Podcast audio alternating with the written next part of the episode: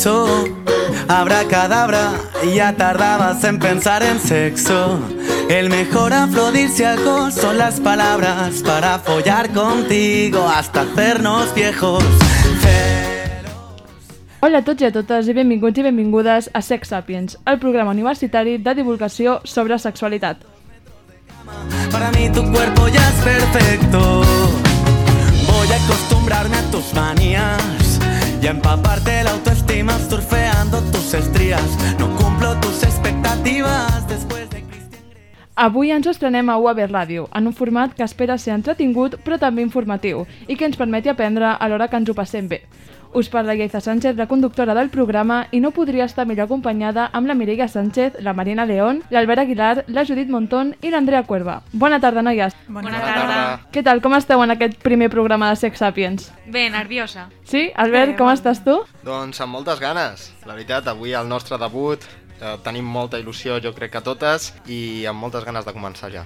Jo us confesso que també estic una miqueta nerviosa, però crec que tot anirà molt bé, així que, si us sembla, comencem. Abans de res, explicarem una mica com funciona la dinàmica del programa. Cada dia tindrem a la Mireia, que a la secció de Posa't al dia ens informarà sobre les claus del tema de la setmana a través dels testimonis de professionals. Al segon bloc, la Marina ens parlarà del reportatge de la setmana, sempre relacionat amb la tònica del programa. Després tindrem la secció de Parlem-ne, on es farà una entrevista a algun expert o experta que aprofundirà sobre un aspecte en concret. A continuació, a vista panoràmica, l'Albert ens parlarà d'alguns fets d'actualitat que exemplifiquin doncs, allò que es tracta al programa. La Judit, a la secció de Culturitzem-nos, tractarà pel·lícules, sèries o llibres relacionats amb la temàtica. I per últim, però no menys important, l'Andrea traslladarà l'ambient català a l'estudi de ràdio amb la seva secció Les veus al carrer, on farà preguntes a persones per comprovar doncs, quins són els seus coneixements sobre la sexualitat, les seves inquietuds, etc. Abans de res, però, m'agradaria que trenquéssim, tot i que sigui una mica, la barrera que ens separa i que ens coneguéssim millor. Com diu el popular refrany en castellà, el burro delante para que no s'espante, així que, si em permeteu, començaré jo. Com he dit, sóc la Iaiza Sánchez i faig tercer de periodisme a la UAB. Ja des de petita em sentia atreta pel món del periodisme, però va ser entrada a la carrera universitària quan em va despertar aquest neguit, per dir-ho d'alguna manera, per la ràdio. I ara sóc aquí, intentant aprendre i sobretot gaudir de les experiències. Pel que fa a les meves estimades companyes, que són magnífiques, com molt bé anireu veient, s'aniran presentant a mesura que es desenvolupi el que és el primer programa de Sex Sapiens. Wow, wow, el que no entiende que el sexo no entiende de sexos, no entiende el sexo. Wow, En el programa d'avui tractarem un tema relacionat amb la tornada a l'escola. Parlarem sobre l'educació sexual a les aules i ho farem de la mà de testimonis com Laila Pilgren, fundadora del projecte de l'educació sexual La Otra Educación, i també Esther Kira i Cristina Polanco, malactivistes com elles s'anomenen, o la Cristina, mare i escriptora del blog Una mare i la seva tribu. I ara sí, comencem!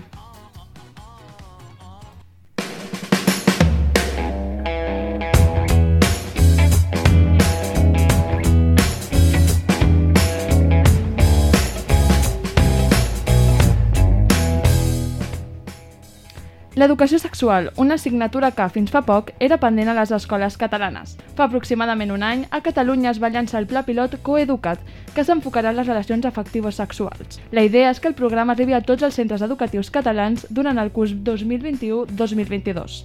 Tanmateix, i tot i que hi ha previsions d'incloure'la en una llei futura, a nivell estatal la LOMCE no és compatible amb una assignatura de sexualitat. Però per què és important l'educació sexual? Bé, aquesta és una pregunta que, per començar, anirem resolent al llarg del programa. Però a grans trets ajuda el jovent a entendre com funciona el seu cos i per què experimenten els canvis a mesura que creixen. Jo, per exemple, mai he tingut una assignatura d'educació sexual. Suposo que com la majoria d'estudiants catalans i catalanes. Sí, és cert que s'han organitzat tallers des de les escoles, però eren massa curts com perquè calessin dins dels i les adolescents. A més, un problema que sovint em trobava a classe, no sé si vosaltres el compartireu, és que el tema de la sexualitat provoca una mena de riure nerviós, que dona peu a brometes entre l'alumnat i fa que no es prenguin seriosament la xerrada. Aquesta situació, suposo que us serà familiar, ens condueix a un tabú, el tabú del sexe i com a conseqüència de la sexualitat. La societat amaga als més petits i petites qüestions relacionades amb el sexe. És escandalós que un nen o nena s'assabenti sobre aquestes coses. Tanmateix, des de Sex Sapiens volem fer una distinció. Parlar de sexualitat no vol dir parlar necessàriament de sexe. A banda, la sexualitat també abraça la identitat, els orígens i altres temes que són fonamentals perquè una persona es conegui a fons i pugui explotar al màxim la seva felicitat. Ho volem deixar clar. Des de Sex Sapiens estem a favor d'una educació sexual plena amb perspectiva de gènere i crítica als centres educatius.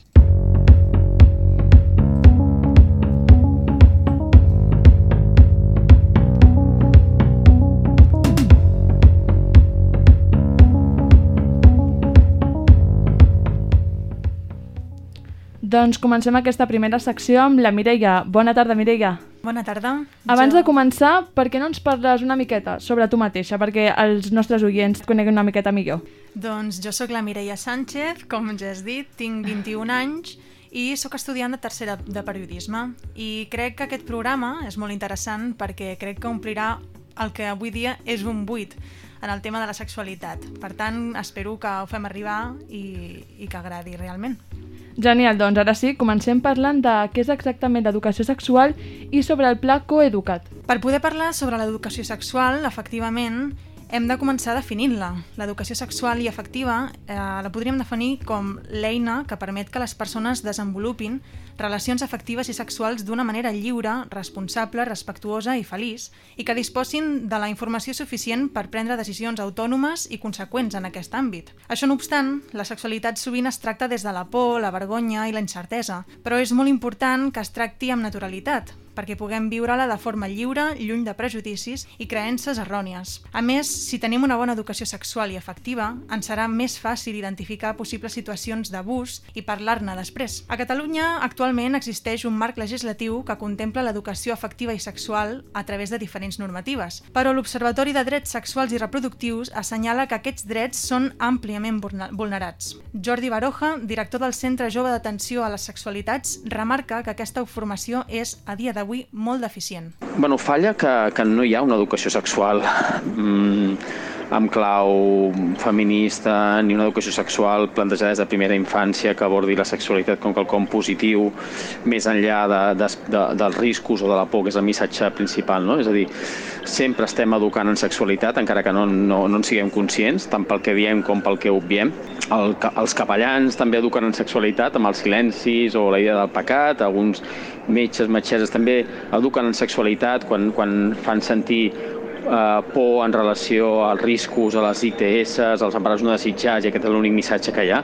Per tant, sempre estem educant en sexualitat. Tenim una educació que passa que és una educació, de la qual no és una educació que parteixi, no és una educació sistemàtica, no és una educació que parteixi, que insisteixo, des d'aquesta mirada de sexualitat positiva. I és que fins ara l'educació sexual a l'escola s'ha abordat solament des de punts de vista reproductius i de prevenció de malalties de transmissió sexual. Davant d'aquest panorama, és evident que el sistema educatiu necessita una reforma urgent. En aquest sentit, l'Associació dels Drets Sexuals i Reproductius, un dels òrgans del Centre Jove, és, com ha comentat la meva companya Iaiza, l'encarregada d'elaborar el material de Coeducat, que s'està començant a posar en marxa a partir de la formació del professorat competent. Des de l'associació s'aposta per un pla transversal que es treballi de manera sistemàtica i des dels diferents àmbits d'aprenentatge, en comptes d'establir una única assignatura dedicada a la matèria. El tema és que, clar, el que no té sentit és que l'educació sexual sigui quelcom absolutament diferent del que és el, el, el projecte pedagògic de les escoles. I, per tant, les escoles treballen, ja no treballen per matèries específiques, sinó treballen de manera transversal, treballen per competències. I, per tant, doncs, bueno, doncs ens hem d'adaptar perquè aquesta, tot aquest treball educatiu en, en salut sexual també s'ha incorporat de manera transversal com a, com a competències com la resta d'aspectes a abordar.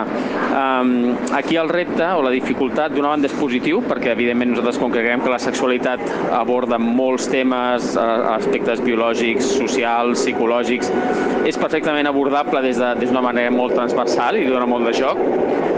El problema és que després potser costa una miqueta més de monitoritzar, de fer-ne un seguiment en aquest sentit, de, de saber si s'està fent o no s'està fent, i podria ser que quedés una mica en terra de ningú i que ningú l'acabés d'abordar, però per això hi ha uns mecanismes que el Departament d'Ensenyament hauria d'implementar. El plantejament del programa Coeducat també ha generat crítiques des d'alguns sectors de la població, com famílies o alguns partits polítics que s'han negat que els seus fills i filles rebin aquest tipus de formació. Però en quin moment s'ha de començar a parlar sobre sexualitat i sexe a la mainada? Aquesta és una pregunta que, de ben segur, moltes de les persones que ens estan escoltant ara mateix es fan. Baroja insisteix que l'educació sexual és quelcom que s'ha d'abordar el més aviat millor. Nosaltres apostem perquè l'educació sexual, diguéssim, en àmbit formal, si ens, si ens movem per aquí, hauria de ser de primera infància. De fet, la proposta del Coeduca't va des de P3 fins a segon de l'ESO. Entre altres coses perquè al final mm, és, un, és quelcom que ha de ser gradual i que hem d'anar afegint, diguéssim, competències, cada cop més, més complexes. És dir, és evident que, que amb infants de, de P3, P4, P5 o de primària no parlarem de, la, de les ITS, no parlarem de, de determinats aspectes vinculats al ple de relacions compartides o, o, o d'embarassos no d'avortament, per exemple, no? Però, però sí que podem parlar de moltes coses, podem parlar de consentiment, podem parlar d'autoestima, podem parlar de, de, de com negociar, de l'assertivitat, podem parlar de molts, molts elements que tenen a veure de la cura de la nostra pròpia salut. Podem parlar de molts elements que són absolutament claus i fonamentals per, pel que vindrà després. Mentre aquest projecte encara no és una realitat, volem saber com s'està informant el jovent sobre sexualitat. Per respondre a aquesta pregunta, hem acudit a Save the Children. El seu últim estudi denuncia que l'educació sexual és insuficient i alerta del risc que la pornografia es converteixi en el referent del jovent, ja que indica que cada 7 de cada 10 adolescents en consumeixen i més de la meitat dels qui la consumeixen s'inspiren en ella per les seves pròpies experiències sexuals. A més, pel 30% de les encastades, aquests vídeos són la seva única font d'informació sobre sexualitat. Emily Ribas, responsable de polítiques d'infància a Catalunya de l'organització, alerta del perill que això suposa. El perill de, de, de la pornografia és que la població adolescent construeixi el seu desig al voltant del que veu, encara que aquest contingut sigui violent o sigui desigual i que també és irreal. No? El perill és que els adolescents creixin pensant que el seu consentiment, els seus desitjos i les seves preferències o els de la resta no necessàriament s'han de tenir en compte. No? I el perill és que pensin que això està bé, que, que, que no cal sempre uh, demanar el consentiment o expressar el consentiment. No? I és veritat que, uh, que a la pornografia el consentiment brilla per la seva absència. No? Per tant, l'aspecte més perillós de la pornografia en moltes ocasions és aquest, eh, és que les dones no només no expressen el seu consentiment, sinó que tot, moltes vegades apareixen experimentant malestar o fins i tot dolor sense que això eh, alteri el desenvolupament de l'escena. No? I al final aquesta normalització de l'absència de, de consentiment pot impactar negativament en la construcció del desig i de les relacions sexuals eh, i social de, de, i de la parella dels adolescents. En aquest informe hem trobat alguns aspectes destacables. Per exemple, són més les noies que els nois les que consideren que els continguts pornogràfics a vegades són violents i a més el triple de nois que de noies opina que són igualitaris. En canvi, les noies entenem que eh, veuen certes desigualtats en aquests vídeos. Ribas afirma que en un món digitalitzat, fortament marcat per les desigualtats i la violència de gènere, on l'educació sexual, a més, és inexistent, internet es converteix en un consultori de la sexualitat i així ho fa també la pornografia, que acaba actuant com una espècie de mirall de la societat. A la pornografia es, reprodu es reprodueixen els patrons socials que regeixen la societat, no? com són les desigualtats de poder relacionades amb el gènere les quals eh, en general són més fàcils de veure per qui les pateix més que per qui les exerceix. No? Per tant, eh, és més fàcil per una dona reconèixer aquesta desigualtat de gènere quan la veu que, que, que potser per, per un home. No? L'educació sexual i afectiva s'ha d'encarregar d'aspectes com la desigualtat i la violència de gènere. Per altra banda, la pornografia sotmet la dona al plaer de l'home sense tenir en compte el seu consentiment i homogeneïtza el sexe i les maneres de viure la sexualitat. Per això, l'experta considera que la manca d'educació sexual lligat al consum de pornografia beneficien el sistema heteropatriarcal en el qual vivim. Uh, la clau aquí és, uh, primer de tot, formació uh, per als adolescents, els nens i les nenes des d'edats primerenques, tal com ho proposa el programa Educat, Coeducat co co de la Generalitat de Catalunya, que és um, educació afectiva i sexual, afectiva i sexual des de P3 fins a quart d'ESO, però també uh, formació sobre els riscos d'internet i sobre els riscos de la pornografia, creiem que és molt important, i també formació als pares, perquè eh, sàpiguen parlar amb naturalitat d'aquests temes. No? En conclusió, la solució perquè els joves gaudeixin de relacions sexuals i afectives sanes, respectuoses i sense riscos sembla clara i es troba una vegada més en una bona educació sexual i afectiva per a joves i infants, però també en una bona formació que asseguri que professors i famílies poden oferir-los un bon suport. Doncs moltes gràcies Mireia per la teva intervenció, crec que ha estat molt interessant i ara sí passarem al reportatge de la setmana.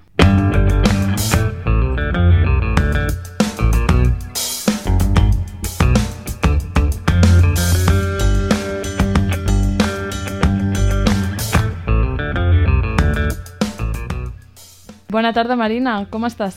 Bona tarda. Doncs res, com ha fet la teva companya Mireia, per què no et presentes una miqueta? Bueno, doncs com ja, dit- ja has dit, em dic Marina León, tinc 19 anys i estudio periodisme, com les meves companyes, i bueno, d'aquest programa espero divertir-nos molt i aprendre juntes. Genial, doncs un cop ja et coneixen una miqueta millor, comencem amb el reportatge de la setmana. Hem parlat sobre l'educació sexual a l'escola, però també l'educació sexual dins l'àmbit familiar és molt important. Parlant amb la Raquel, la psicòloga del, col·legi per Enric Dussó, de l'Hospitalet de Llobregat, m'explicava que no podem dir que un àmbit és més important que l'altre, que són dos àmbits totalment diferents i complementaris, i que per tant hem, han d'anar de la mà. La importància de l'educació sexual dins la família recau en el fet que és on el nen experimenta una fase molt important pel seu desenvolupament, la primera infància, on rep els valors principals com el respecte o l'empatia. Però quin és el problema de l'educació sexual dins l'àmbit familiar? Segons la psicòloga, pot ser un problema generacional. Els pares i mares no van parlar-los sobre sexualitat a casa. Com a resultat, no saben com fer-ho. sí que és veritat que hi ha una barrera generacional, Marina. És a dir, tenim a una persona de 12, 13, 14, 15 anys i a una persona adulta de 39, 40, 41, perquè ara cada vegada les mares són mames més tard i els papes són papes més tard i la barrera generacional és gran, no? I no és fàcil entendre's o no és fàcil que el xaval se senti còmode parlant d'això, però si li donem la confiança des de ben petits si des de ben petits expliquem adequat a cada edat els dubtes que puguin arribar a tenir i la primera vegada que et preguntes sobre alguna cosa no t'escandalitza, sinó que li intentes contestar d'una manera natural, és més probable que el teu fill, doncs la propera vegada que tingui un dubte, doncs vingui i te'l pregunti, no? Aquest problema generacional ha estat vist com una necessitat a cobrir dins els col·legis i, per tant, igual que es fan xerrades sobre sexualitat a partir de l'adolescència a l'alumnat, els pares i les mares d'aquests i aquestes adolescents se'ls convida a xerrades sobre com educar en sexualitat. Sobretot de la manera que s'ha d'afrontar que vingui a dir, doncs vull que em compris preservatius, no? Doncs, com a pare o com a mare de nen o nena que té 14, 15, 16 anys, t'hauries d'alegrar. Les xerrades per pares també serveixen molt, Marina, perquè uns papes s'escolten en uns altres i entre ells s'entenen, no? Empatitzen, hòstia, esto también me pasa a mí, i tu com lo has hecho? I a vegades són els propis pares entre ells que s'ajuden i la persona que porta la xerrada és una mica el guia perquè puguin ajudar-se o per donar idees de com afrontar. Pensa que tu tens un fill que és un bebè quan neix i quan viene te dice que va a mantener relaciones sexuales dice me caigo muerta. I clar, per descomptat, amb la Raquel van parlar sobre la famosa conversa sobre sexualitat dels pares i les mares als fills i les filles. Una xerrada que no tenim molt clar si es dona de veritat o només es fa a les pel·lícules.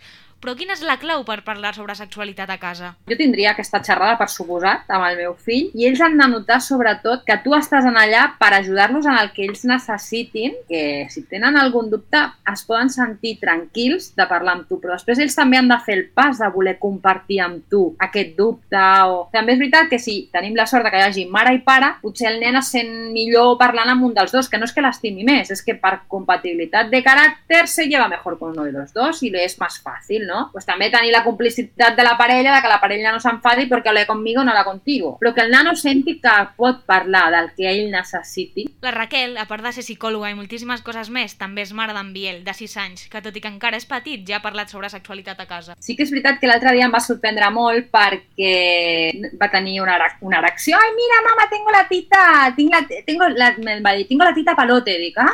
Y, y salta el padre y le digo, ¿y cuándo se tiene la tita palote? Y salta él y le digo, pues por ejemplo, cuando vas por la calle te gusta una chica y vaig quedar, Marina, en plan, hola, ¿esto dónde lo ha visto? O, o realment ella ho ha sentit així? O, o ho ha vist a la tele? A vegades, pues, con cara de pòquer li dic, pues sí, és una de les... de quan a tu t'agrada molt una cosa, pues és veritat que pot passar-te que, o quan t'aixeques pel matí, no? que s'aixequen els nois, s'aixequen amb una erecció. Potser has somiat alguna cosa que t'agradava molt o simplement, bueno, no no li he parlat específicament perquè té 6 anys vale? i la sexualitat és com que ara, de, moment, no sembla que sigui important per ell, però sí que en qualsevol moment que sorgeixi una pregunta estaré disposada. No? Ja, ja el veus quan es fa un petó en una pel·lícula a dues persones que es posa així com tímid, no? pues intentes, ai, pues mira, és perquè s'estimen, no? Dues dones que també tenen molt clar com parlar a casa sobre sexualitat són l'Ester Quiras i la Cristina, una mare i la seva tribu a l'Instagram. Amb dues formen part del projecte Expandete, creat per dones, la majoria mares, i fonamentat en l'acompanyament i la informació sobre maternitat, sexualitat, criança i infertilitat, entre d'altres temes. L'Ester és feminista, llicenciada en comunicació audiovisual, professora, vegana, mare i també matriactivista, i educa la cala en l'educació lliure d'estereotips i rols de gènere la Cristina, es dedica a la comunicació corporativa en l'àmbit cultural i educa l'Ot en la criança respectuosa i feminista. La capacitat de decisió i l'autoconeixement són, per l'Ester i la seva parella, els dos pilars principals en l'educació sexual que li estan donant a Cala, que ara té dos anys. Yo creo que la educación sexual eh, tiene que ser desde, que, desde el nacimiento, porque muchas veces confundimos la educación sexual eh, centrándola en el sexo, en las relaciones normalmente heteronormativas con penetración, y parece que, que cuando mm, nos queremos dar cuenta eh, tenemos a un preadolescente o una preadolescente y ahí de repente te atoras, no sabes, y, la educación sexual nace con, con la persona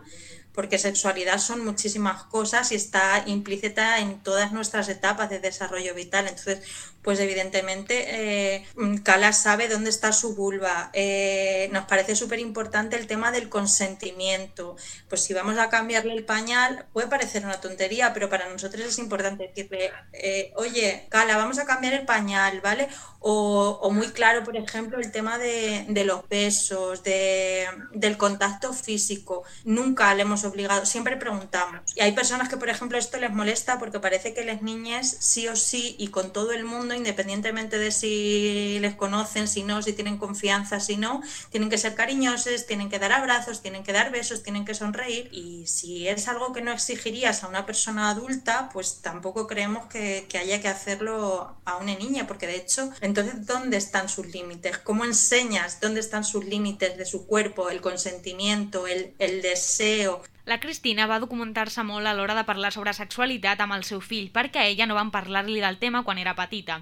I a partir de matriactivistes i llibres va aprendre com educar l'Ot, de 4 anys, en una sexualitat basada en el respecte. Sexualitat igual també es respecte. Reforç amb la idea de, uh, quan el banyem, si et puc, t'he de rentar el penis o t'he de rentar el cul, uh, puc? Vull dir, com demanant permís per tocar-lo, o a vegades, ja que és més gran, dir-li, renta-t'ho tu, diguem-ne, vull dir, en aquest sentit. No és que ningú li pugui tocar, sinó que la frase és, eh, on, on la referència és que, que, que ho faci, o sigui, que, que tu donis permís, no? que, que, que, que acceptis. He parlat també amb les dues sobre la xerrada sobre sexualitat. Per l'Ester creu que no serà necessari perquè aniran tractant el tema durant totes les etapes de la vida a Cala. Yo espero que no tengamos que tener como la típica charla de, bueno, ahora ya estás en edad de hoy, te puedes quedar embarazada en el caso de las personas con útero y entonces te planto aquí eh, un preservativo del que no te he hablado en la vida, aunque supongo que sabes lo que es, porque al final, mmm, además, en esta época que tenemos acceso a un montón de información, muchas veces pues, mmm, no de manera dirigida correctamente, pero tenemos acceso y, y las niñas no son imbéciles y tienen un entorno además hipersexualizado, entonces yo espero que en este camino vayamos haciendo poco a poco. La Cristina creu que aquesta xerrada no funciona i entén també l'educació sexual com un procés. Suposo que si vas parlant de temes de sexualitat d'una manera com en el dia a dia d'una manera més o menys normal, mmm, potser no hi ha la típica xerrada, de, de, la típica xerrada que tots tenim al cap, en la que sembla que vingui de zero aquella conversa. Sí que és possible que aquella xerrada la converteixis en el moment en el que pensis que aquella, el teu fill o la teva filla comença a tenir relacions sexuals. Tot i que abans n'hagis pogut tenir, potser en aquell moment en què dius bueno, si no n'ha tingut, aviat pot passar, potser fas una, una imatge més de xerrada, no? Però no serà mai aquella que tenim al cap en la que mai han parlat pare i fills. Això no, perquè tampoc crec que funcioni massa. I clar, naturalment vaig preguntar-les què diran quan escoltin la famosa pregunta «Mamà, d'on venen els o les bebès?»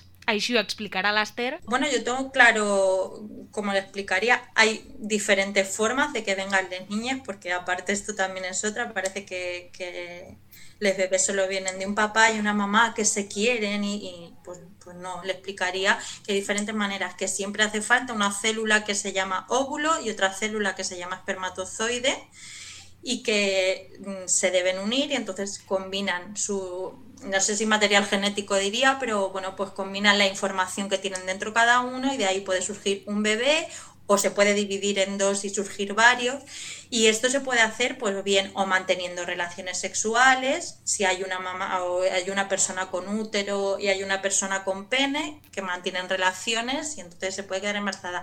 También existen los bebés que vienen, eh, pues a través de las inseminaciones, hay una persona que tiene, un- no sé, explicar pues la realidad. O sea, es que no me o yo por lo menos desde la postura que lo veo, no me parece tan complejo. Creo que hay que decir la verdad y que las niñas manejan la información y nos entienden mucho más de lo que, de lo que creemos.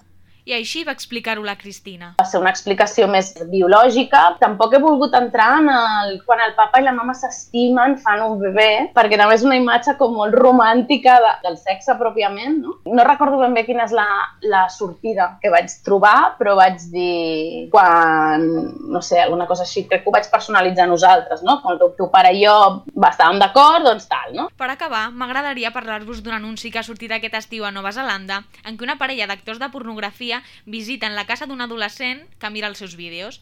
La porta l'obre la mare del nen i l'actriu li diu que possiblement el seu fill no sàpiga encara com són les relacions a la vida real, perquè és petit, i que ells, als seus vídeos, no parlen de consentiment, van directament al gra. Diuen que no ho farien així a la vida real i, clar, és perillós que el nen ho entengui d'aquesta manera. La mare li diu a l'adolescent que és hora de parlar sobre la diferència entre allò que veu a internet i el que són les relacions sexuals a la vida real. El que vull dir amb aquest anunci és que és important que des del govern s'impulsin aquest tipus de campanyes que, per una banda, ensenyin als, als i les adolescents que les relacions sexuals de la pornografia no es corresponen a la realitat i, per altra banda, que incitin els pares i a les mares a parlar sobre sexualitat amb els seus fills i les seves filles. Doncs moltes gràcies, Marina, primer per aquest missatge, a veure si es pot acomplir, i segon per aquest reportatge també hem fet sobre el tabú del sexe a la família.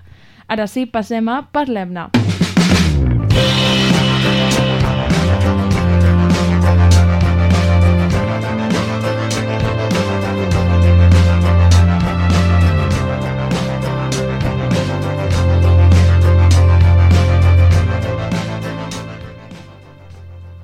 En este primer programa vamos a hablar con Laila Pilgren, que es la fundadora y directora del proyecto La Otra Educación, compuesto por, bueno, como bien dicen en su página web, por profesionales de todas las ramas de las ciencias sociales, según tengo entendido, y expertos en sexología. Entre otras muchas cuestiones, ofrecen talleres de educación y salud sexual a las escuelas. Buenos días, Laila, es un placer tenerte aquí con nosotras. Hola, Yaiza, gracias por darnos voz, que siempre se agradece.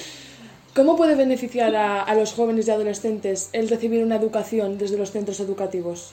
Hay que aclarar lo que es la educación sexual, porque muchas personas eh, dan por hecho que la educación sexual es hablar de cómo meter un pene en una vagina. Eh, Correcto. sé que empiezo, empiezo un fuerte, pero estamos hablando de lo que estamos hablando. Y entonces yo creo eh, que conviene aclarar qué es la educación sexual. La educación sexual va mucho más allá de unos genitales eh, y de cómo emplear esos genitales eh, y, y muchas veces ni siquiera con el sexo opuesto, con el género opuesto, ¿no?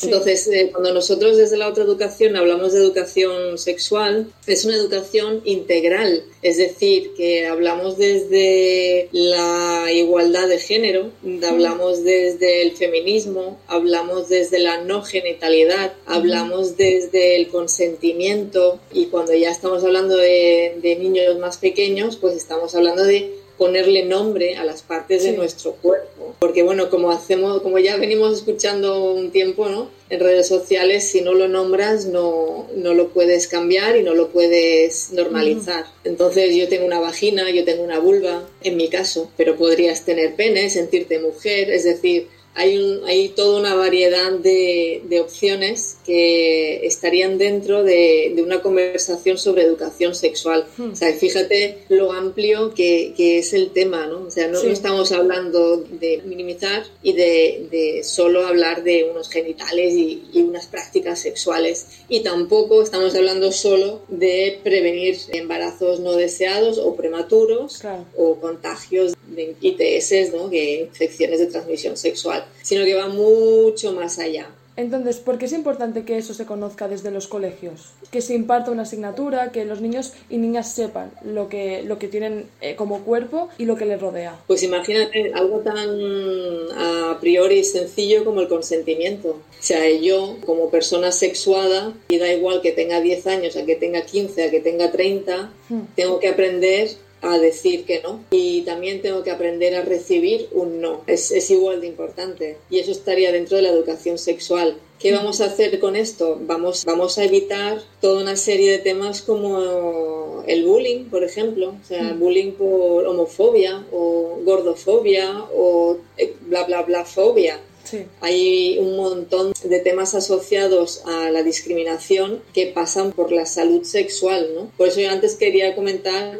eh, qué es Sí. la, la salud sexual y la educación sexual. Es que engloba muchísimas cosas, Sí. ¿no? Desde aceptarte tú a ti mismo, empezando por tu cuerpo, por tu orientación sexual, etcétera, y por lo tanto también aceptas al otro. Entonces, ante la pregunta de por qué es importante una educación sexual, pues para evitar temas tan al día, ¿no?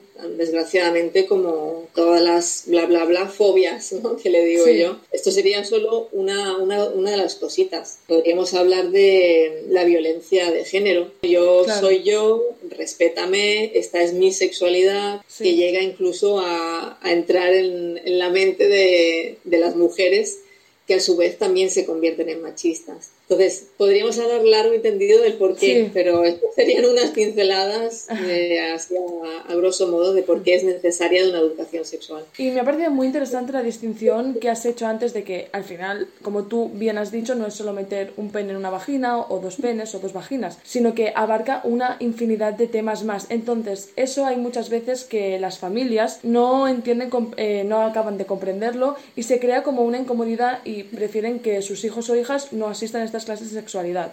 Entonces, ¿cómo se puede encontrar el equilibrio entre estas dos necesidades? Pues gracias a programas de radio como este, en el cual explicamos qué es la educación sexual. Sí, sí, es que parece una, una obviedad, pero es que hay que empezar por qué es la educación sexual. Totalmente. Porque antes de convencer a una familia de que tiene que dejar que sus hijos asistan a esa clase, tenemos que explicarles de qué va la clase. Estoy segura de que si los padres nos escuchan y son conscientes de que lo que estamos haciendo es educación en salud, sexual, a lo mejor de esta manera lo aceptarían mejor. ¿Quién quiere que a su hija abusen de ella? O sea, ¿A quién le apetece que a, que a su hijo le insulten y, y lo, y lo discriminen? ¿Quién, ¿A quién le apetece esto en el fondo? A nadie, a ningún padre. No, Entonces yo creo que hay un problema aquí de, vamos a frivolizar y llamarlo marketing, casi casi, de la educación sexual. O sea, hay- ha habido un problema aquí de no se ha transmitido bien o no se está transmitiendo bien qué es la educación sexual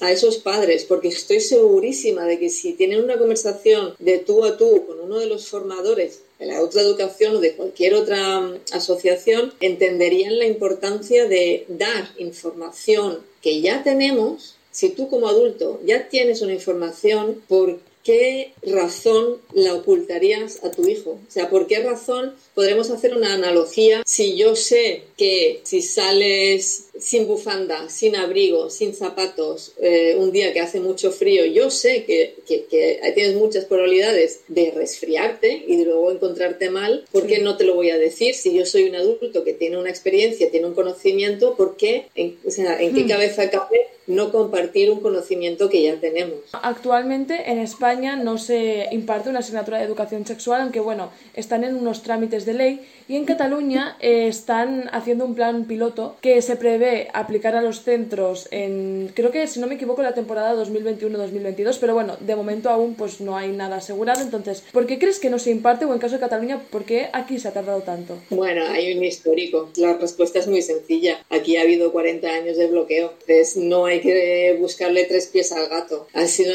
una, cuestión sociocultural que, por desgracia, ha afectado a, a la educación sexual y ha afectado a otros temas en este, en este país. Claro. Entonces, eh, es, es así de sencillo. O sea, ha habido un, un bloqueo, había un- una impermeabilidad referente a, a todo lo que fuera extranjero, hasta que llegamos las danesas y las suecas y,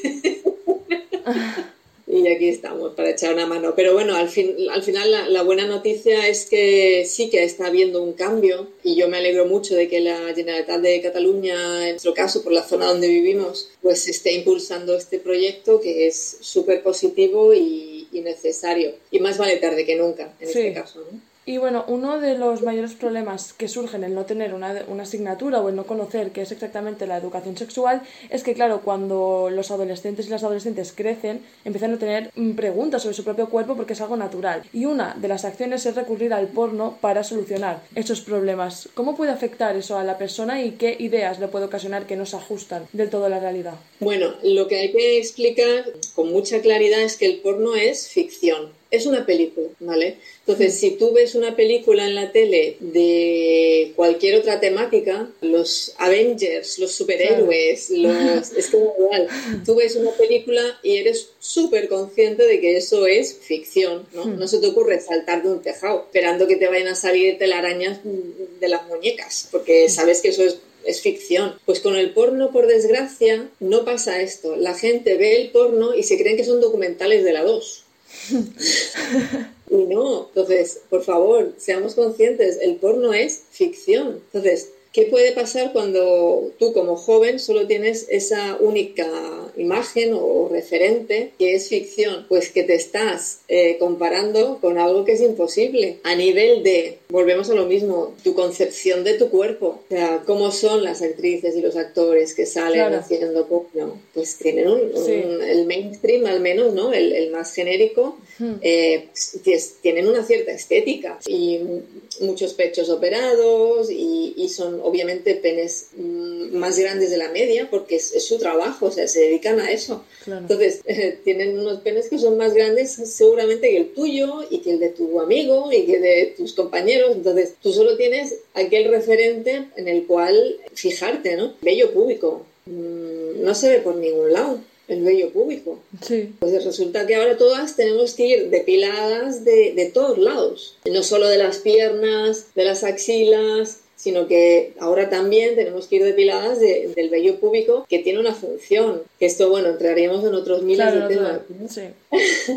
Pero básicamente es ese deseo del hombre, los cuerpos tienen que ser de esa manera y si no nos acomplejamos, sí. la duración del acto sexual es esta, las prácticas sexuales no hay preliminares, es decir, hay un montón de cosas que están mal en el porno. Sí. Mm, si lo coges como referente de la realidad. Como ficción, perfecto, pues ya está. Ves una peli, igual que ves cualquier otra peli, no pasa nada. Pero ¿qué pasa? Que no tenemos un referente real. Entonces, no, y no hay nadie más que nos dé más información real. Entonces, si tú quieres saber cosas, tus padres no te lo cuentan, tus colegas pues, tienen la misma información que tú. Al final, ni más ni menos, ¿no? Entonces, tampoco que de, que de, buen rollo. Claro. Mm, Podéis hablar y todo lo que quieras, pero de Pero- información, de que es conocimiento. Sí, claro, mm, tienen como esa falta de información que en la que se encuentra la propia persona, entonces claro. Exacto. Entonces ahí está un poco la, la dificultad. Que el porno en sí, digamos, no es que sea el demonio, no estoy diciendo eso, sino que eh, es la mala, el mal uso que se hace del porno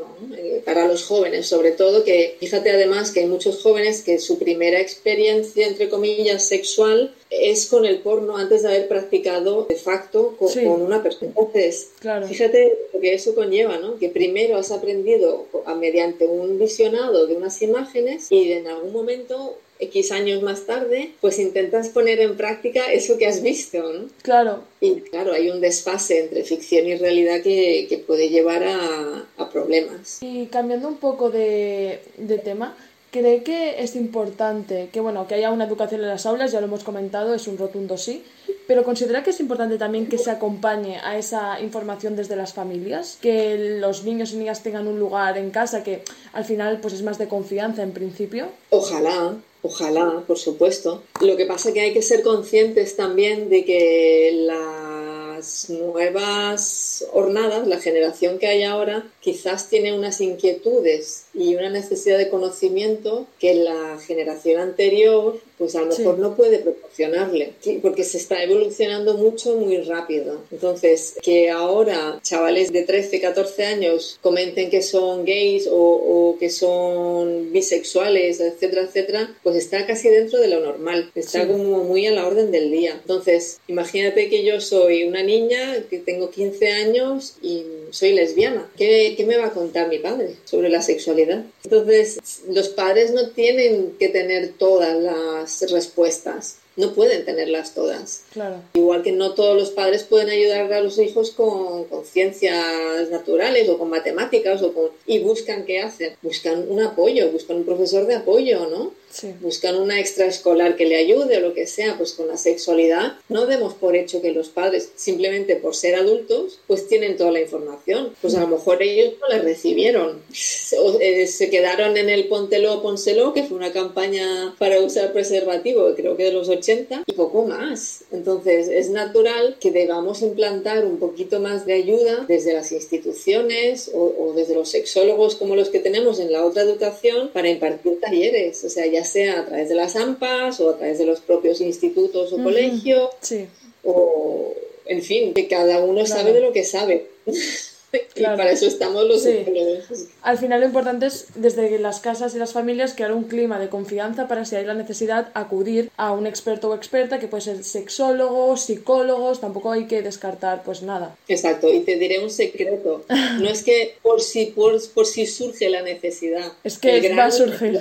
Es que va a surgir. claro, claro, eso es totalmente Es que va cierto. a surgir porque la, la máxima es que nacemos como seres sexuados. Esta es la gran máxima que tenemos que tener en cuenta y no podemos obviar, no podemos hacer como que eso no va a pasar o que va a pasar cuando tengan mm, 28 años y estén casados. Claro. Que sí, que puede haber alguna persona, pero que la gran mayoría no. No seamos Sí. ingenuos. Entonces, que no tienes la información, pues exacto. Y lo que tú has dicho es lo más importante, crear un clima de confianza, pero tanto en la sexualidad como para todos los otros temas. Para, para que los chavales pues tengan alguien con, con quien hablar, que pueden ser sus padres, ¿no? Que deberían ser sus padres. Pues, pues totalmente. Y esto ha sido un poco toda la entrevista. No sé si quieres añadir algo más, alguna reflexión, comentario. Pues que se animen a, a, contactar con la otra educación.com y, y para los padres tenemos otro proyecto que se llama sexacademyinternational.com que ahí también pueden ellos hacer talleres de sexualidad. Básicamente información, información, información. Pues con esta recomendación acabamos ya la entrevista. Muchas gracias por estar aquí con nosotras. Ha sido un placer. Muchas gracias a ti.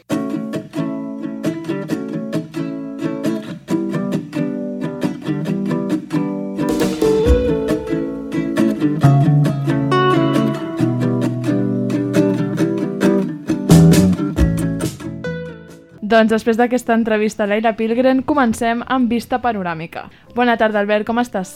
Bona tarda, Lleida. Em presento, no? I tant, el micro és teu. Doncs bé, jo sóc l'Albert Aguilar, com les meves companyes també estudio tercer de periodisme a la Universitat Autònoma de Barcelona i estic al programa per gaudir de la ràdio i per aprendre una mica més de la temàtica del programa. Perfecte, doncs si et sembla, comencem amb la teva secció. El primer a instaurar l'educació sexual va ser Suècia l'any 1955. Allà la matèria depèn de l'escola, encara que se sol incloure en el currículum educatiu a partir del cinquè curs, als 11 anys. Es tracta fins que els alumnes passen a l'institut, on també hi ha programes especialitzats. Anys després, en la dècada dels 70, molts altres països la van incloure en els seus sistemes educatius. Des de 1973, les escoles franceses imparteixen educació sexual. Els estudiants reben entre 30 i 40 hores d'educació sexual al llarg de la seva vida escolar obligatòria. De fet, els col·legis han de proporcionar als estudiants de graus un número determinat de cognoms. Allà s'aborden temes com la sexualitat com a funció biològica i natural de l'ésser humà, el seu aspecte psicosocial, diversitat cultural, orientació sexual, canvis socials i emocionals lligats a l'adolescència. També es fan presentacions sobre els diversos mètodes anticonceptius, malalties de transmissió sexual i es convida a reflexionar sobre les relacions de parella, amoroses, sexuals i la violència de gènere. Estònia va començar a introduir l'educació sexual voluntària als 90. Des de 2006 forma part del nou Pla Nacional d'Ensenyament i s'imparteix dins l'assignatura obligatòria Estudis Humans, dirigida a menors d'entre 7 i 14 anys. En total, estudiants reben 35 lliçons repartides en 3 anys escolars. A la Alemanya, la responsabilitat de proporcionar educació sexuals a nens i nenes no és un paper exclusiu de la família, sinó un deure de l'Estat. A partir de l'educació bàsica, els alumnes comencen a rebre informació sobre l'educació sexual. Els pares i mares són informats abans que comencin a impartir-se els temes relacionats amb aquesta educació, però no tenen dret a decidir de manera directa si els seus fills o filles deuen o no acudir a aquestes classes. Una llei sanciona els pares o mares que permetin o promoguin que els seus fills o filles faltin a l'escola. Aquests exemples contrasten amb el que passa a l'Àfrica subsahariana. Allà, milions de nenes i adolescents són privades d'educació per estar casades o quedar-se embarassades. Més de 49 milions de nenes no estan escolaritzades a l'Àfrica subsahariana, de les quals 31 milions haurien d'estar en secundària, la qual cosa suposa una violació dels seus drets i la limitació de les seves oportunitats. A l'Àfrica subsahariana, el 40% de les nenes contrauen matrimoni abans dels 18 anys, i entre 15 i 20 països en el continent amb el major nombre de matrimonis infantils a nivell internacional. L'organització Human Rights Watch destaca que entre un 30 i 50% de les nenes de 14 països d'Àfrica subsahariana són males abans de complir els 14 anys. Les creences culturals o religioses estigmatitzen a les nenes solteres i embarassades, per la qual cosa nenes embarassades són forçades al matrimoni. Després d'aquest rànquing, Albert, comentaràs unes notícies, no tinc entès? Sí, us comentaré notícies que jo crec que són interessants relacionades amb el tema de la setmana. A més, es posen una mica al contrast de les lleis relacionat amb, amb l'educació sexual. Començaré amb una notícia portada del país suec, i és que a Suècia van difundir els diumenges un programa de ràdio per nens un programa infantil on ficaven una cançó amb un penis i una vagina pels nens petits. Ara l'escoltem. Pop, pop, snippity snopp Här kommer snoppen i full galopp. Han som inga brallor har. Dinglar med snoppen och rumpan bar Snippidi-dipp, snippidi-doo Snippan är häftigare kan du tro. Till och med på en gammal tant. Snippan sitter där så elegant Vale, bueno, m'agradaria dir que entes alguna cosa, però no entens res. Suposo que tu ja ens explicaràs el significat d'aquesta cançó, no? Doncs sí, aquesta cançó parla bàsicament de la importància que tenen els nens i nenes ensenyar-los què és un penis i una vagina. També dins la lletra té frases com aquí arriba el penis amb tot el ritme, la vagina és molt guai, eh, tu has de creure, i fins i tot parla de senyores majors. La, la cançó ha estat molt polèmica dins No el país suec. De fet, té moltes crítiques, però té d'altres que donen suport a la cançó, com per exemple aquesta dona que es diu Berg. Se tracta d'una cançó sobre la cosa més natural que hi ha al món. Clar, suposo que per opinions no serà. Vosaltres, noies, què en penseu? Andrea, Judit? És que jo crec que al final és educació i ja està. O sigui, és una cançó que pot arribar a moltíssima gent i que moltíssima gent pot aprendre d'ella. Doncs passem a la següent notícia, Albert? Sí, la següent notícia ve de Polònia i és que l'any passat van ficar a la presó a un director d'escola per impartir educació sexual. Deien des del govern que això el que feia era promoure la pedofília i que aquestes classes no eren d'educació sinó que s'adoctrinava. Aquesta és la notícia i a mi em va resultar curiosa com dins el, el continent europeu i només fa un any que ara hem d'escoltar notícies com aquesta. I què en penses tu de la notícia? Bueno, del fet en si, Albert? A mi el que em va sorprendre és que aquesta notícia sigui sobretot de 2019, de l'any passat. A mi particularment em sembla vergonyós que des del govern eh, creguin que això és adoctrinament quan només és educació i crec que és, hauria de ser totalment necessari en tots els centres educatius. Doncs aquesta vegada que coincideixo plenament amb tu. Així que bé, passem, si vols, a la tercera notícia. La tercera notícia contrasta molt amb aquesta que acabo de dir, que la portes de l'Alemanya, i és que van portar a la presó a una dona que es va negar que la seva filla eh, anés a classes d'educació sexual, i és que Irene Viens, mare de nens de 10 i 16 anys, va ser condenada a 43 dies de presó per això, per negar-se que els seus fills puguin atendre a una representació de teatre amb actes o escenes que ella considerava que eren massa explícites. I per això la, la dona es va queixar, va presentar una denúncia, però finalment la, la que va acabar la presó va ser ella mateixa. que irònic, també. Bueno, no sé, Judit, tu què en penses d'aquesta notícia? Jo crec que aquesta dona estava una mica rillada perquè no és, no és gaire normal que, que no vulguis que els teus fills tinguin educació.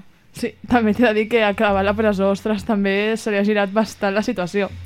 Però bueno, passem ja a la última, si no m'equivoco, Albert. Sí, us porto la última, que abans he parlat de l'Àfrica subsahariana, però destaco un altre país africà, en aquest cas Kènia, que fan una cosa semblant a la que fem nosaltres, que és un programa de ràdio, a més a més, sobre educació sexual. Es diu The Spirit, El van fundar l'any 2017 i serveix per això, per trencar una mica el tabú, que he d'avançar que si aquí és gran, a Kènia encara més. Però el que fan és parlar del sexe amb respecte i ensenyen als joves eh, una mica sobre l'educació sexual i fan com nosaltres i per això m'ha agradat molt. Sí, perquè és una miqueta com el que fem nosaltres aquí, però a l'Àfrica. Doncs és, sí, sí, és just el que anava a dir, que no sé, em sembla molt interessant saber que arreu del món es promou una educació sexual, però també em sorprèn que un país com Kènia, com molt bé has dit, que doncs, té una, unes costums delicades, ho podem dir així, faci aquest tipus de programa, la veritat. Doncs moltes gràcies, Albert, per les tu. teva, la teva secció i per les teves notícies, molt interessants. I ara passem a la secció de Culturitzem-nos.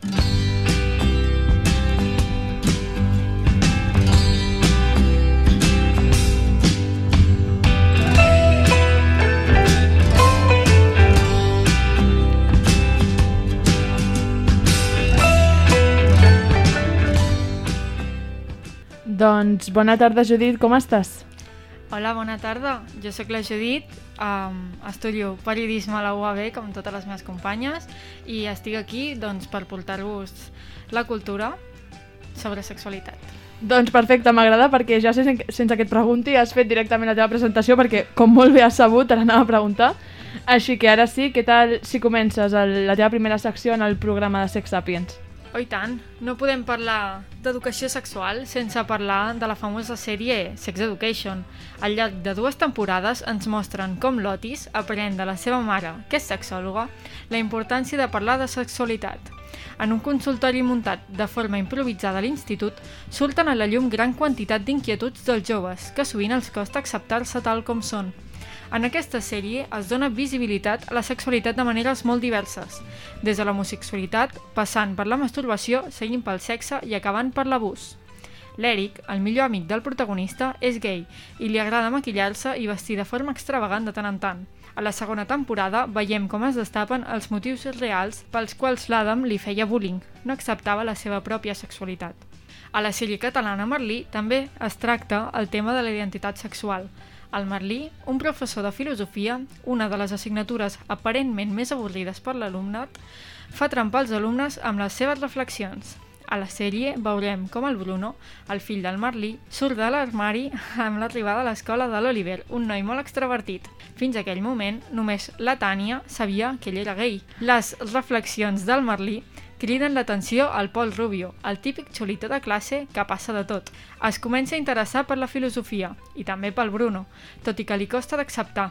Veurem com la pressió social per posar-se etiquetes espanta el Pol, que es passa al batxillerat fent-se preguntes de filosofia i de sexualitat. A l'espin-off de la sèrie, Merlí Sapere Aude, el Pol arriba a la universitat, on fa nous amics. Segueix, al peu de la lletra, la definició de vida universitària que el Merlí li diu al primer capítol.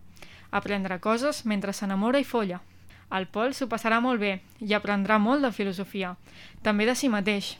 A la primera temporada, el Bruno li fa de Pepito Grillo i el burxa perquè sap que a banda de les noies, al Pol també li agraden els nois, que està cada cop més segur que no vol etiquetes. És el Pol Rubio i punt. De sexe, en les sèries juvenils n'hi ha molt, cada vegada més. De petits miràvem pel·lícules com High School Musical i somiàvem en arribar a l'institut i cantant i trobar una guixeta amb el nostre nom.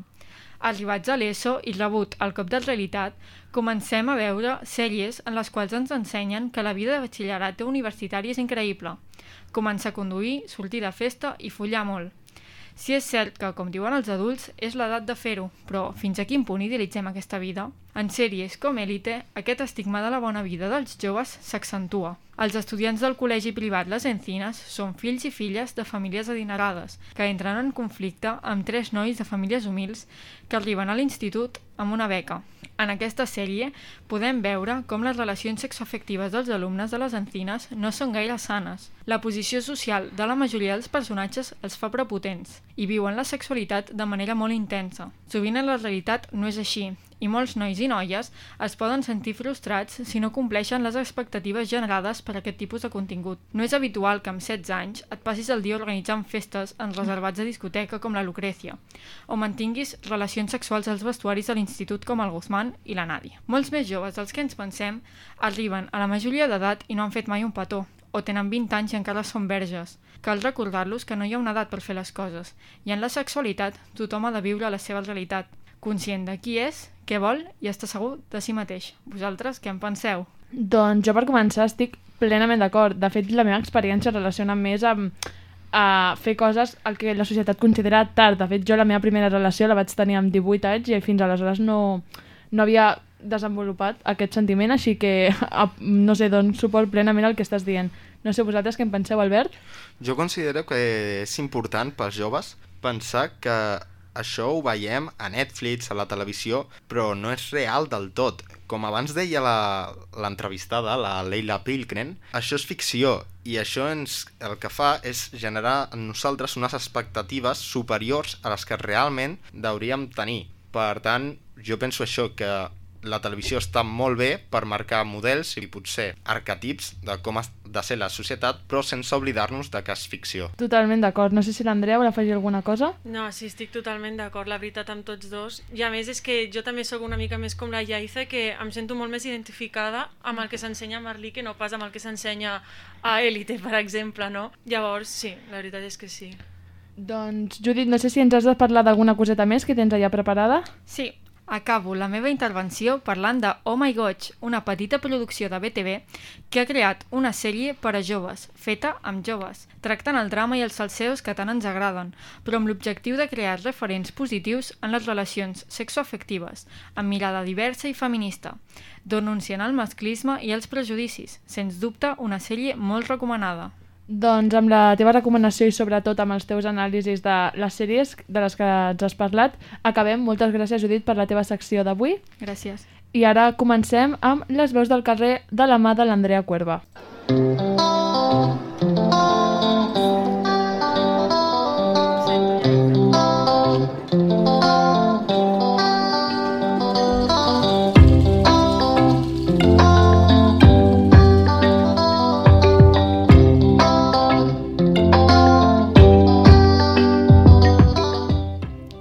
Tarda, Andrea. La última secció, però no la pitjor. Això és molt important destacar-ho. Hola, Yaiza, hola. Ara m'he de presentar, eh, que sí? Efectivament, molt bé, ho has après bé. Doncs jo sóc l'Andrea, com has dit tu ja, i bé, com igual que les meves companyes, també estudio aquí a la Universitat Autònoma, estudio periodisme, tinc 20 anys i estic molt il·lusionada per fer aquest programa, perquè crec que pot arribar a molta gent realment i es pot aprendre moltíssim escoltant-nos. Doncs sí, sí, jo eh, subscriveixo totalment les paraules de l'Andrea i ara, si vols, comencem amb la teva secció que has anat a preguntar a la gent del carrer doncs, diverses preguntes que ara tu ens aniràs dient. Així és, així és. En aquesta secció ens aproparem una miqueta més a la gent del carrer. I ens aproparem, en aquest cas, a les veus d'aquelles persones que realment han viscut aquesta educació o no educació sexual de la qual estem parlant i que siguin elles i ells qui ens expliquin la seva experiència. Per fer-ho, és veritat que hem decidit fer un petit experiment i el que hem fet és separar els testimonis de les persones que han estudiat en escoles religioses d'aquells que ho han fet en escoles laiques i així doncs, podrem veure si existeixen o no diferències entre els grups. Vam realitzar les mateixes preguntes a tots els testimonis, això sí, però és veritat que les respostes ens poden arribar a sorprendre bastant. Primer de tot, vam demanar a la gent del carrer que ens expliqués quina va ser l'educació sexual que van rebre a les escoles, i aquesta va ser la resposta de les persones que van estudiar en una escola laica. L'escola no va ser més que les dues o tres xerrades que ens feien a l'any que venien a fer-nos des de fora de l'escola. Que, bueno, normalment el que feien era xerrar, era una exposició. Al taller sí que era, ens posaven en rotllana sempre amb la noia, el noi que vingués enmig, i llavors feia una explicació i sí que interactuàvem més amb nosaltres. Va ser de petita a la primària, amb el llibre de naturals, doncs van explicar que era la reproducció sexual i després a l'institut, doncs un dia vam fer a l'hora de tutoria una xerrada on van vindre un noi i una noia i ens van dividir en dos, en dos grups, no? en nois i noies. A tercera de l'ESO va venir la Creu Roja i res, la típica formació de pues, les malalties que hi havia, pues, les diferents proteccions, no? en plan la píldora, el condó, el condó per vagines, coses així. En general, trobem com una espècie de denominador comú entre totes les persones perquè en totes elles hi ha hagut alguna xerrada o algun taller en el qual han pogut participar i ja siguin major o menor mesura han pogut aprendre aspectes nous del món de la sexualitat. Però ara bé, vam realitzar la mateixa pregunta a persones que van estudiar en una escola religiosa i aquestes van ser les seves respostes. Va ser bastant poca, no es parlava gaire de TS, de mètodes anticonceptius, tampoc vam rebre cap xerrada. La única educació sexual que vam rebre a l'escola va ser un PowerPoint sobre per què és necessari l'anticonceptiu. Va ser bàsicament explicar la reproducció, que crec que això no és educació sexual en cap, de cap manera, i finalment, doncs, a tercer de l'ESO, l'únic acostament així que vam tenir algun tipus d'educació sexual va ser quan vam preguntar dubtes anònims a una professora que ens feia bi biologia, o sigui, és que ni, ni compto que això sigui educació sexual. Lo máximo que llegamos a tener de, de, educación sexual, si es que se puede siquiera llamar así, es cómo funcionan los aparatos reproductores y poco más de eso en, en nuestra clase de salud y ciencias eh, naturales. Pero aparte de eso, nada, cero. Aquí ja podem començar a observar algunes diferències entre els dos grups, perquè aquest últim col·lectiu en cap cas va rebre alguna xerrada o algun taller extern a l'escola on s'expliqués aspectes concrets de la sexualitat, sinó que les seves escoles es van limitar a explicar la funció de la reproducció humana i aspectes molt més funcionals. Un tema que, si més no, jo crec que s'allunya bastant d'allò que ens referim quan parlem de sexualitat. Veient les respostes, al final vam decidir preguntar a aquests testimonis si creien que aquesta educació sexual que havien rebut era suficient i les persones que havien estudiat en una escola laica van respondre això. Per mi sí que va ser suficient. Jo crec que personalment en la meva educació sexual sí que han sigut suficients. Sota el meu punt de vista, l'educació sexual que vam rebre és molt escassa. I si crec que és suficient, jo crec que en molts aspectes no. Tenim clarament un 50-50 aquí, perquè dos dels testimonis van assegurar que per ells l'educació sexual rebuda sí havia sigut suficient.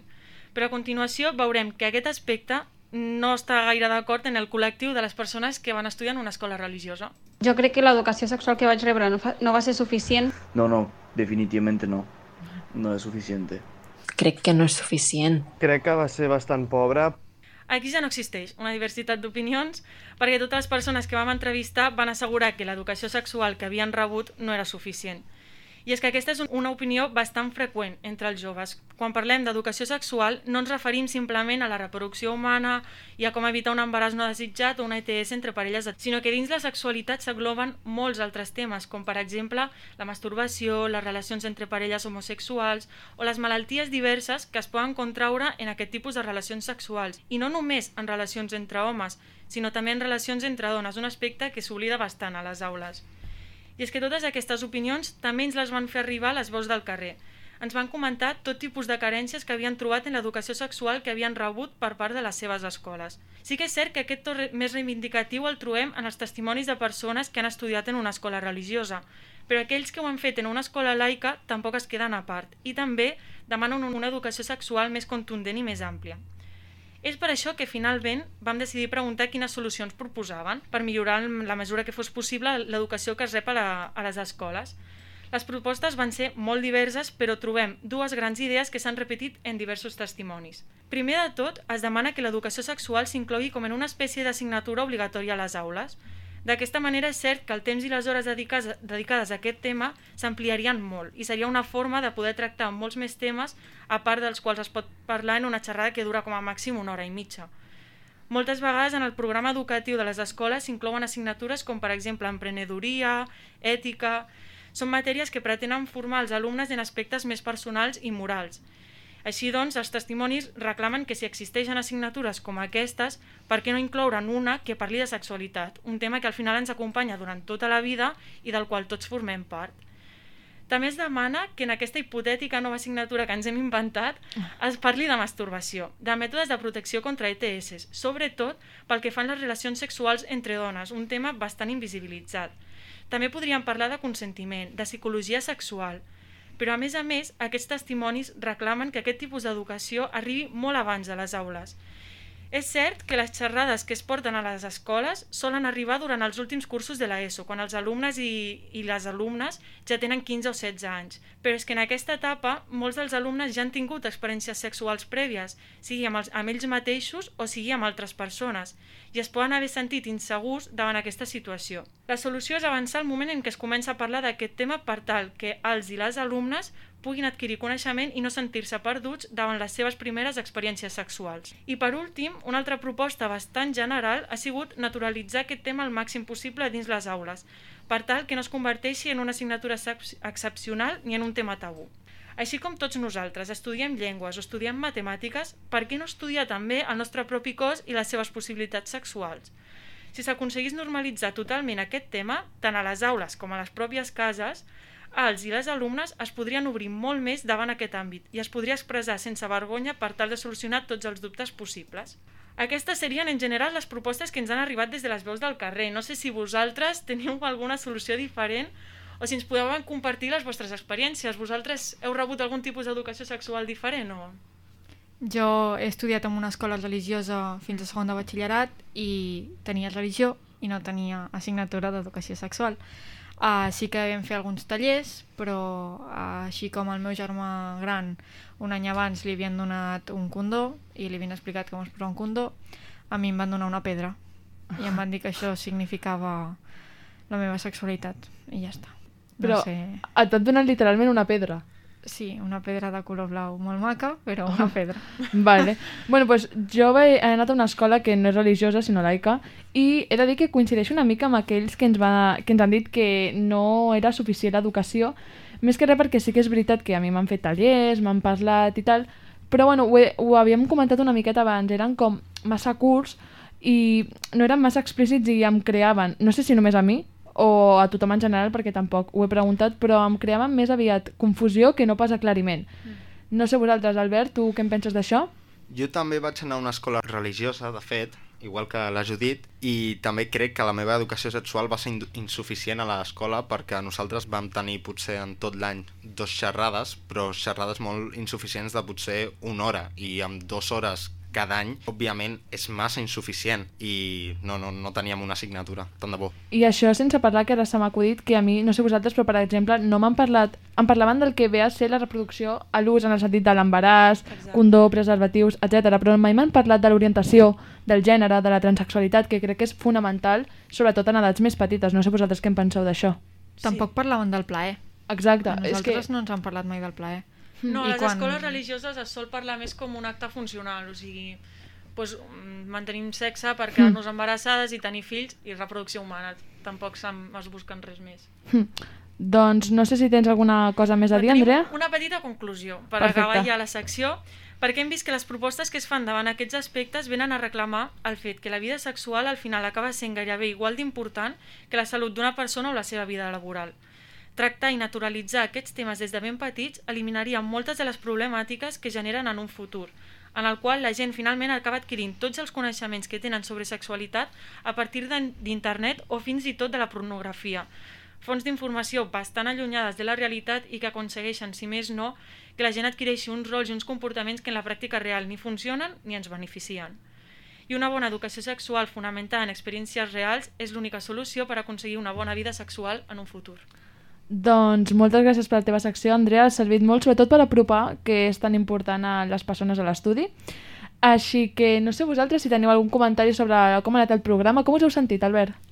Jo molt a gust, la veritat, eh, un plaer amb vosaltres començar aquesta nova experiència i de la secció de l'Andrea volia dir que de totes les persones preguntades, in, incloses nosaltres aquí, només dos eh, hem cregut que era suficient la nostra educació sexual, per això crec que és tan important fer un programa com aquest. Doncs, si voleu, no sé si eh, hi ha alguna cosa més a afegir.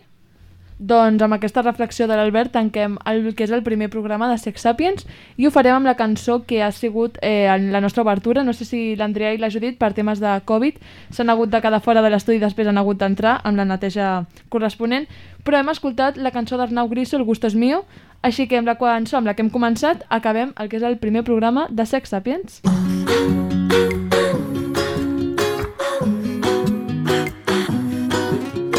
Sexo, abracadabra, ya tardabas en pensar en sexo.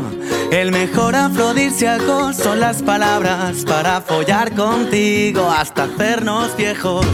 Celos, pasa palabra, quiero una camiseta con mis complejos. El universo en dos metros de cama, para mí tu cuerpo ya es perfecto.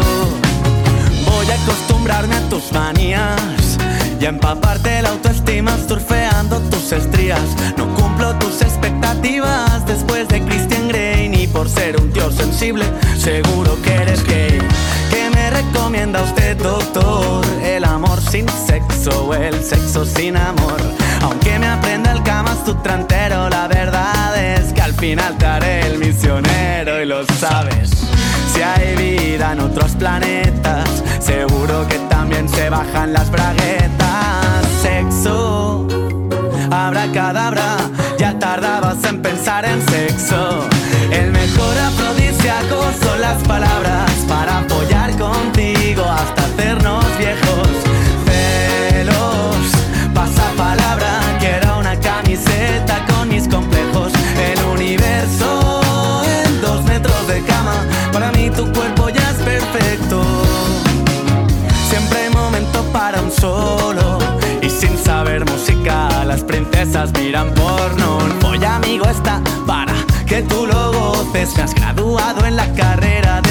roce. Aterrizado en tu cuerpo como turista. No es amor, es sexo a primera vista. Ya le encanta la grisolina, dale más grisolina. Que retumbe en la pared de la vecina. Nadie va a colgarte una medalla. No siempre un gran tamaño va a dar la talla. Sexo, abracadabra, ya tardabas en pensar en sexo. Mejor afrodisíaco son las palabras para follar contigo hasta hacernos viejos.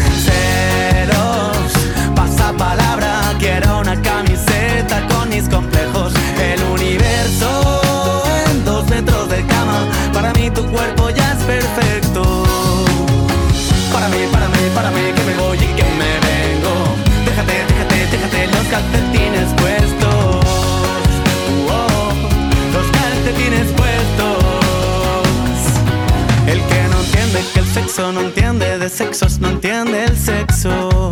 Wow, wow. El que no entiende que el sexo no entiende de sexos, no entiende el sexo.